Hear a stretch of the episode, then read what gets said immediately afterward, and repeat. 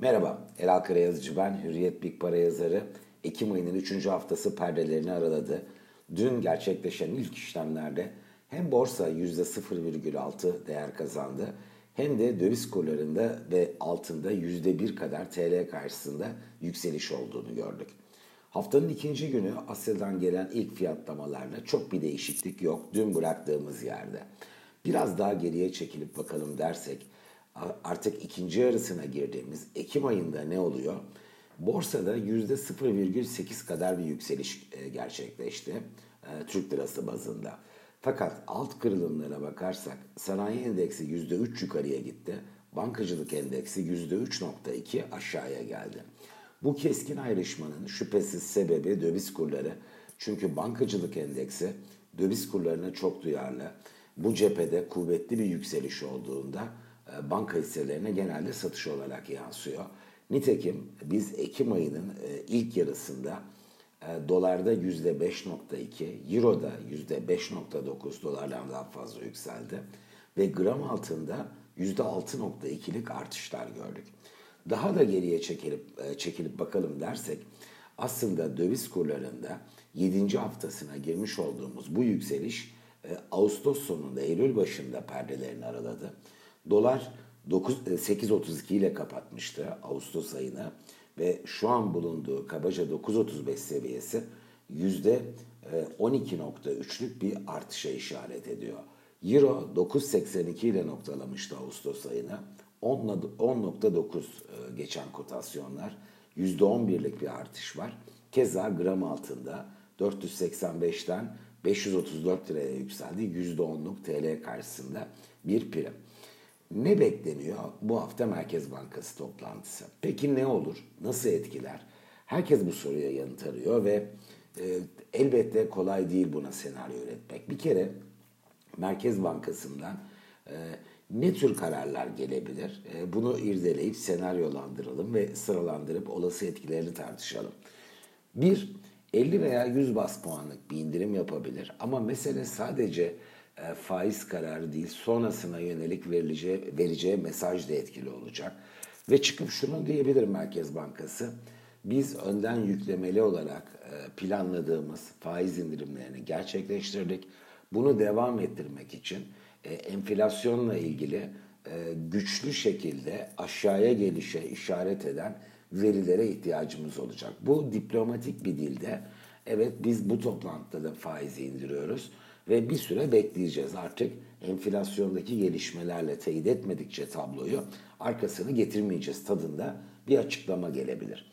Bunun ben e, döviz cephesine, döviz kurlarını e, çok sert olmasa da negatif etkileyeceğini ve bir değer kaybına belki 8.90'lara kadar dolar TL'de sürebilecek %5'leri bulur cari düzeyde e, davetiye çıkarabileceğini düşünüyorum. İkinci bir senaryo bu toplantıda bir faiz değişikliği yapmaz ve yine e, mesaj kısmında, iletişim kısmında demin anlattığım şekilde biz önümüzdeki dönem faiz indirimleri yapmak için e, ekonomik verilerin, enflasyonla ilgili gelişmelerin ve e, piyasalardaki fiyatlamaların bunu desteklemesini bekleyeceğiz diyebilir ki bu Türk lirasına daha güçlü katkı sağlama potansiyeline sahip. E, belki o zaman daha aşağılarda gündeme gelebilir döviz kurlarında. Üçüncü bir senaryo 50 bas puanlık bir faiz indirimi yapıp ileriye yönelik e, önemli bir mesaj vermez. Yani orada belirsizlik devam eder.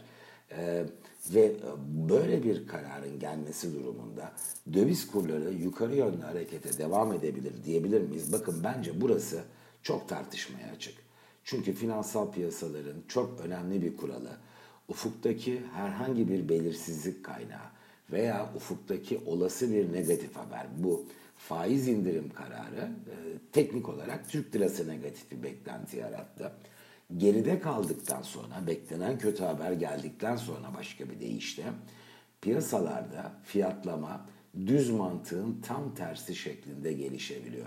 Yani beklenen kötü haber e, geldikten sonra Türk lirasına satış, döviz kurlarına alış gelmesi yerine biz manşetlerde beklenti bitti refleksi diye görebileceğimiz şekilde faiz indirimine ve geleceğe yönelik çok önemli bir TL'yi destekleyici mesaj gelmemesine rağmen rotanın aşağı döndüğüne de şahit olabiliriz. Önümüzde iki gün var. Bu iki gün içinde belki ilave yüzde iki, iki buçukluk değer artışlarıyla da pekala karşılaşabiliriz döviz kurlarında.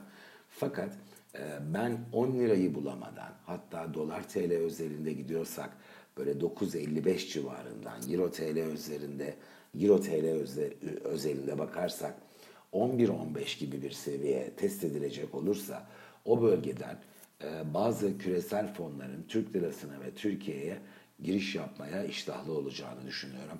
Çünkü bu Merkez Bankası toplantısı geride kaldıktan sonra e, takvim olarak yakın vadede e, Türkiye bir parça rahatlayacak.